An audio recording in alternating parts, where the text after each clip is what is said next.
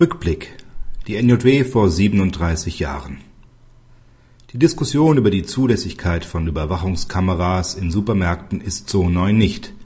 Bereits im Jahr 1971 wurde über diese Frage in einer Studientagung zum Thema Ladendiebstahl lebhaft gestritten. So dokumentiert es jedenfalls der Veranstaltungsbericht von Oberstaatsanwalt Konrad Händel aus Waldshut in NJW 1971, Seite 926 unter anderem wurde eine in einem Großunternehmen durchgeführte Umfrage ausgewertet. Die Umfragewerte bestätigten die Auffassung von Heribert Jöris in NJW Aktuell Heft 19 aus 2008, Seite XII, der Sicherheitsmaßnahmen wie Videoüberwachung zur Verhinderung und Aufklärung von Straftaten für unverzichtbar hält.